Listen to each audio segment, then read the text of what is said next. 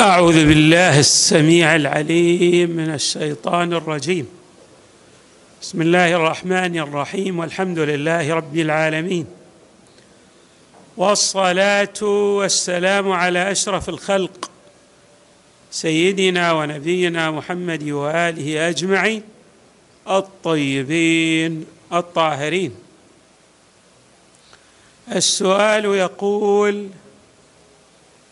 كيف نوفق بين بعض الآيات القرآنية التي يظهر منها أن الإنسان عندما يولد لا يعلم شيئا وبين بعض الآيات الأخرى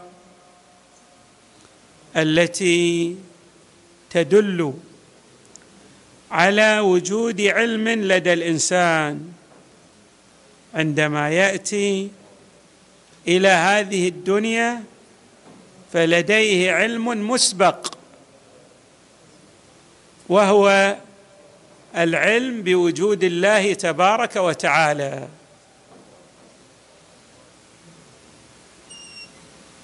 نعم هناك بعض الآيات كما ورد في السؤال. قال الله تبارك وتعالى والله أخرجكم من بطون أمهاتكم لا تعلمون شيئا وجعل لكم السمع والأبصار والأفئدة لعلكم تشكرون. فاذا الآية صريحة على أن الإنسان عندما يولد أو عند ولادته في هذه الحياة الدنيا لا يعلم بشيء. وهناك آية أخرى تقول وإذ أخذ ربك من بني آدم من ظهورهم ذريتهم وأشهدهم على أنفسهم ألست بربكم؟ قالوا بلى شهدنا. أن تقولوا يوم القيامة إنا كنا عن هذا غافلين. فاذا يبدو أن الله تبارك وتعالى ألهم الإنسان في عوالم سابقة على وجود هذه الدنيا ألهمه بوجوده أو أعلمه بوجوده. للعلماء في التوفيق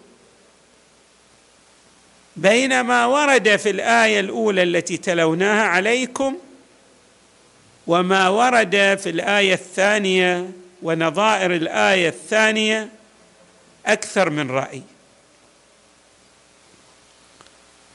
من الآراء ما ورد. نعم. أن المراد من كون الإنسان لا يعلم بشيء عند مجيئه في هذه الحياة الدنيا لا يعلم بشيء بنحو تفصيلي. بمعنى أن الله تبارك وتعالى أعطاه بعض العلوم الإجمالية إذا صح التعبير ليست بشكل تفصيلي. فقوله تعالى لا نعم.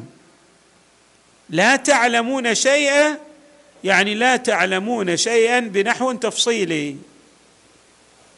وقوله تعالى أنه أشهدهم على أنفسهم ألست بربكم؟ اذا ماذا؟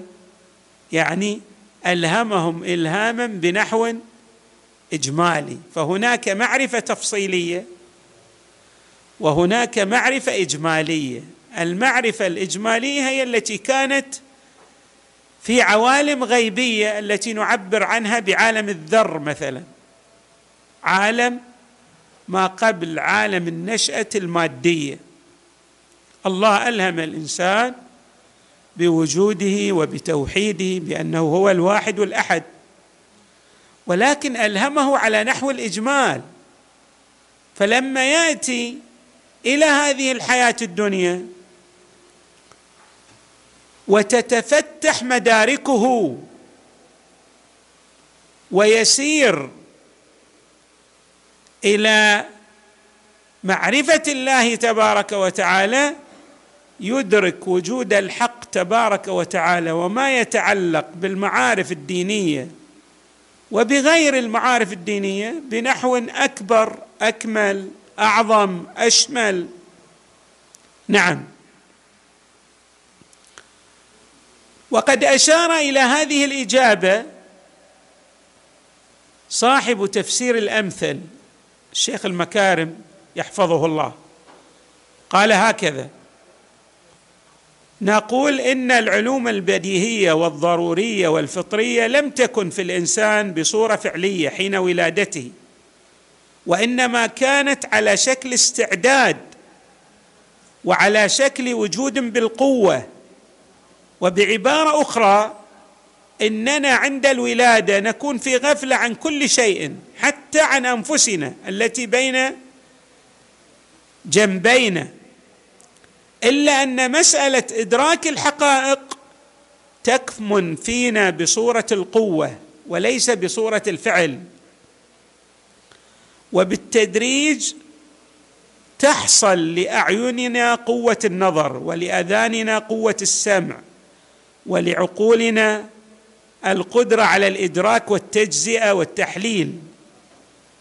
فننعم بهذه العطايا الإلهية الثلاثة التي بواسطتها نستطيع أن ندرك كثيرا من التصورات ونودعها في العقل لكي ننشئ منها مفاهيم كلية ومن ثم نصل إلى إدراك الحقائق العقلية بطريق التجريد والتعميم.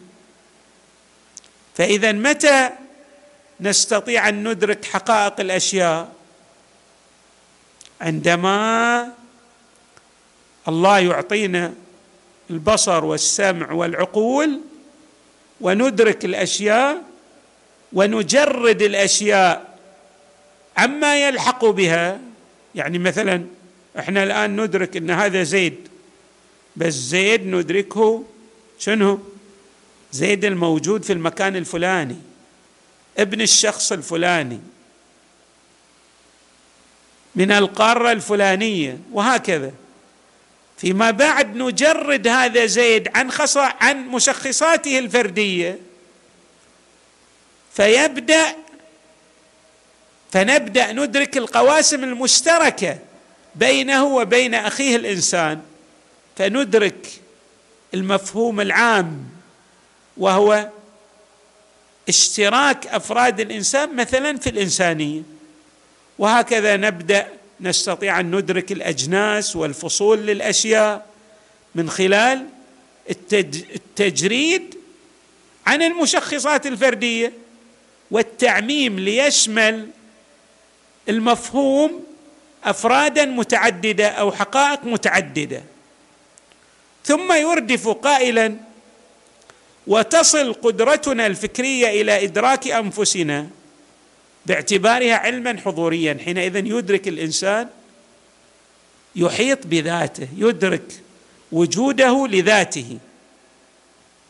مو بمعنى وجوده لذاته أنه أوجد ذاته وإنما يعني يحصل له علم بذاته.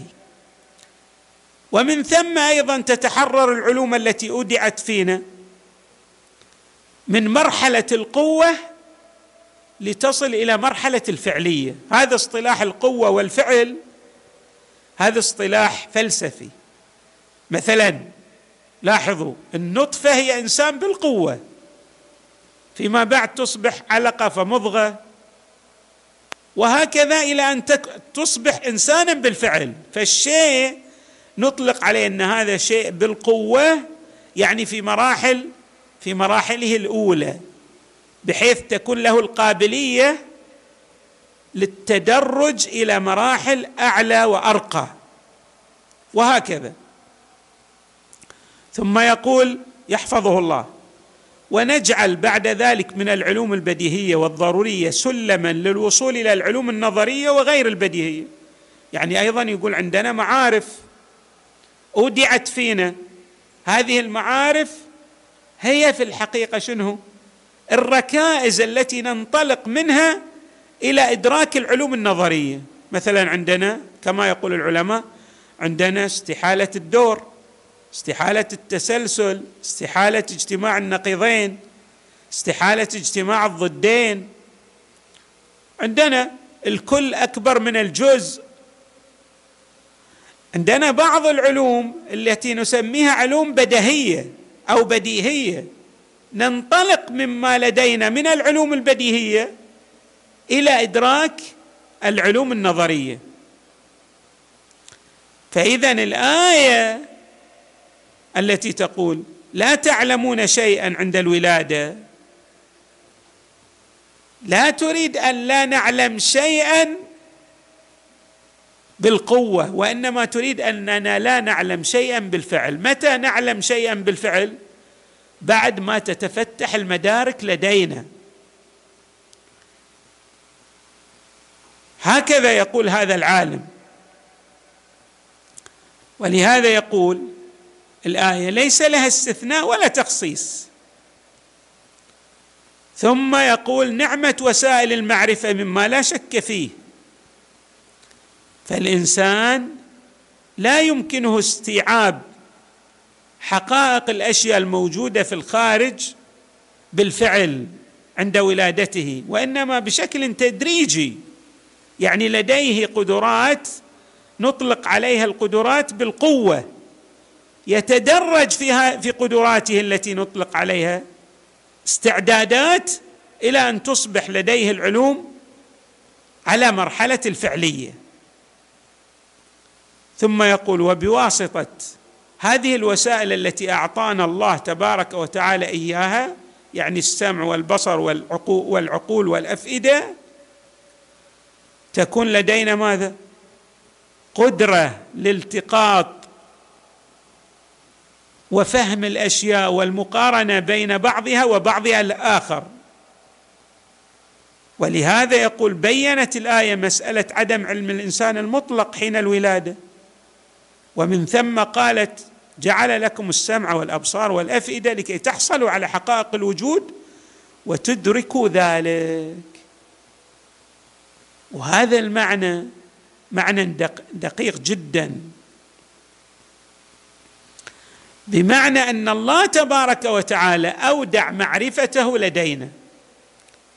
ولكن عندما نأتي إلى هذه الحياة الدنيا تشوف كثير من الناس يغفل عن وجود الحق تبارك وتعالى. ليش؟ لأنه يستغل بالأمور الحسية وينسى تلك النعمة العظمى التي أودعها الله في حقيقة وجوده ألا وهي المعرفة بالله تبارك وتعالى والمعرفة بالدين بشكل مختصر كما عبرنا بشكل إجمالي جميع ما يتعلق بالدين. يعني معرفة أن الله خلقنا لابد أن يكون هذا الخالق له نظام في خلقنا. معرفة أن الله خلقنا لابد أن يكون قد ماذا؟ يرسل إلينا رسلا ليجعلوا لنا أنظمة وقوانين نسير على وفقها. كما يعبر بعض العلماء معرفة الرسول والمرسل الذي هو الله والرسالة.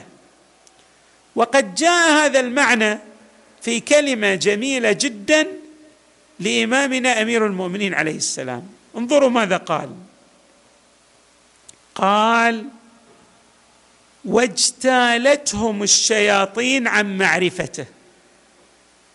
يعني ما هو السبب الرئيس الذي أبعد الإنسان عن معرفته لله؟ تسويلات الشيطان. هذه التسويلات والإغراءات الشيطانية أبعدت الإنسان عن معرفة الله تبارك وتعالى واقتطعتهم عن عبادته. فبعث الله تعالى فيهم رسله وواتر إليهم أنبياءه. ماذا يقوم هؤلاء الأنبياء والرسل به؟ قال ليستأدوهم ميثاق فطرته ويذكروهم منسي نعمته. ويحتج عليهم بالتبليغ ويثير لهم دفائن العقول. انظر ويثير ويثير لهم دفائن العقول يعني كأن على عقولهم شنو؟ أتربة غبار ركام. يأتي هؤلاء الأنبياء والرسل والأوصياء ليزيلوا ذلك الغبار ليمسحوا تلك الأدران عن فطرة الإنسان التي تلوثت بتعلقه بعالم المادة فيرجع إلى فطرته الأساسية بإدراك المعارف التي ألهمه الله إياها ومنها إدراك أن هذا العالم له موجد وأن هذا الموجد له رسل وأنبياء وأن هؤلاء الأنبياء جاءوا بأنظمة وقوانين منه تبارك وتعالى. ولهذا ويثير لهم دفائن العقول. ويرو ويرو ويروهم الآيات المقدرة من سقف فوقهم مرفوع. من الذي ملك هذه الكرة الأرضية والسماوات؟ وجعلهم ماذا؟ يعني كل سماء موجودة بقدرة الله. سأنت سم هذا مثلا نظام القوانين التي أودعها الله مثلا في الأرض إن مثلا الأشياء تسقط. نظام الجاذبية وكذا. كذلك الله تبارك وتعالى جعل قوانين في السماوات العلى ولعل كل سماء لها قوانين تختلف عن السماء الأخرى. تلك القوانين تهدي عقلية الإنسان إلى نوع من معرفة الله تبارك وتعالى أعمق وأدق من المعرفة الفطرية التي أشرنا إليها عند ولادته. ويروهم الآيات المقدرة من سقف فوقهم مرفوع ومهاد تحتهم موضوع. يعني الله خلق هالأرض وجعلها ماذا؟ ممهدة صالحة للسكنى فيها ولأعمارها. يقول بعض العلماء يسميه يعني يقول المصور أو المكون الذكي يطلق على الله المكون الذكي الذي أبدع وجود هذا العالم. إحنا طبعا لا نقبل هذا الإطلاق ولكنه يقرب لنا المعنى. يعني الله تبارك وتعالى لكونه هو الحكيم العليم أوجد هذا النظام وجعله له صلاحية ليعيش فيه الإنسان ويتكامل ويصل إلى العمق المعرفي لله تبارك وتعالى. ومهاد تحتهم موضوع ومعايش تحييهم وآجال تفنيهم وأوصاب تهرمهم وأحداث تتتابع عليهم. ولم يخلي سبحانه ولم يخلي سبحانه خلقه من نبي مرسل أو كتاب منزل أو حجة لازمة أو محجة قائمة. رسل لا تقصر بهم قلة عددهم. وان كانوا اعدادهم قليلة بالنسبة لهذه الامواج والكتل البشرية الكثيرة. ولا كثرة المكذبين لهم من سابق سمي له. سمي له من بعده من سابق سمي سمي له من بعده أو غابر عرفه من قبل. يقول هؤلاء الأنبياء والرسل السابق يخبر عن اللاحق واللاحق اللي هو الغابر يعبر عن اللاحق بالغابر هذا عرفه الأنبياء الذين جاءوا قبله.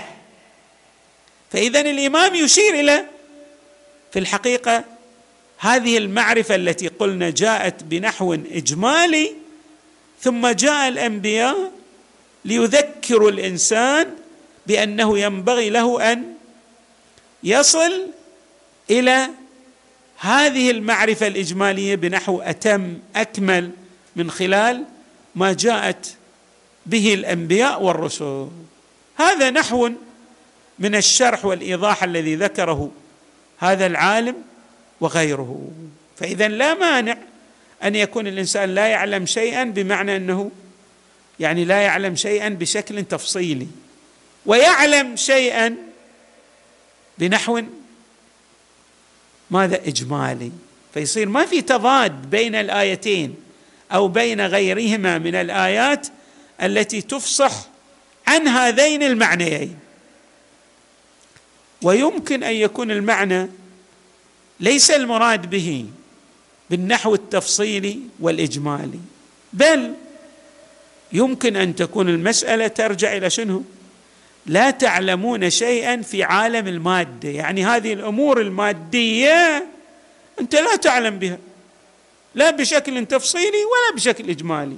أنت ماذا تعلم به؟ هذه تلك الآيات التي تقول تعلم تعلم بوجود الله تبارك وتعالى وما يتعلق بالمعرفة الدينية. وقد تكون تعلم بوجود الله والمعرفة الدينية في العوالم الغيبية أيضا بشكل تفصيلي ولكن عندما جئت إلى هذا العالم نتيجة للارتباط الحسي بعوالم المادة صارت شنو؟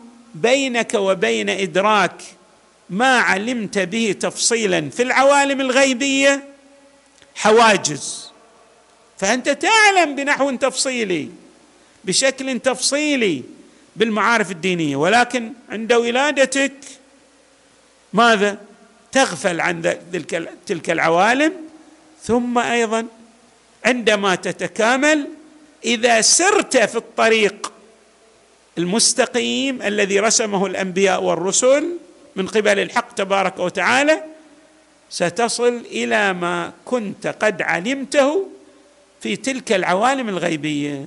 يعني فلا تعلمون في يعني لا تعلمون بقوانين عوالم المادة. وتعلمون بما يتعلق بالمبادئ الحقة من وجود الله وتوحيده وان هناك آخرة وهناك حساب وعقاب. مسائل الدين الإنسان قد يكون قد علم بها قبل وجوده في هذا العالم.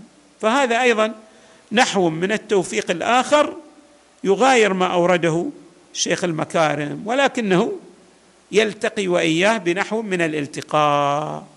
وصلى الله وسلم وزاد وبارك على سيدنا ونبينا محمد وآله أجمعين الطيبين الطاهرين.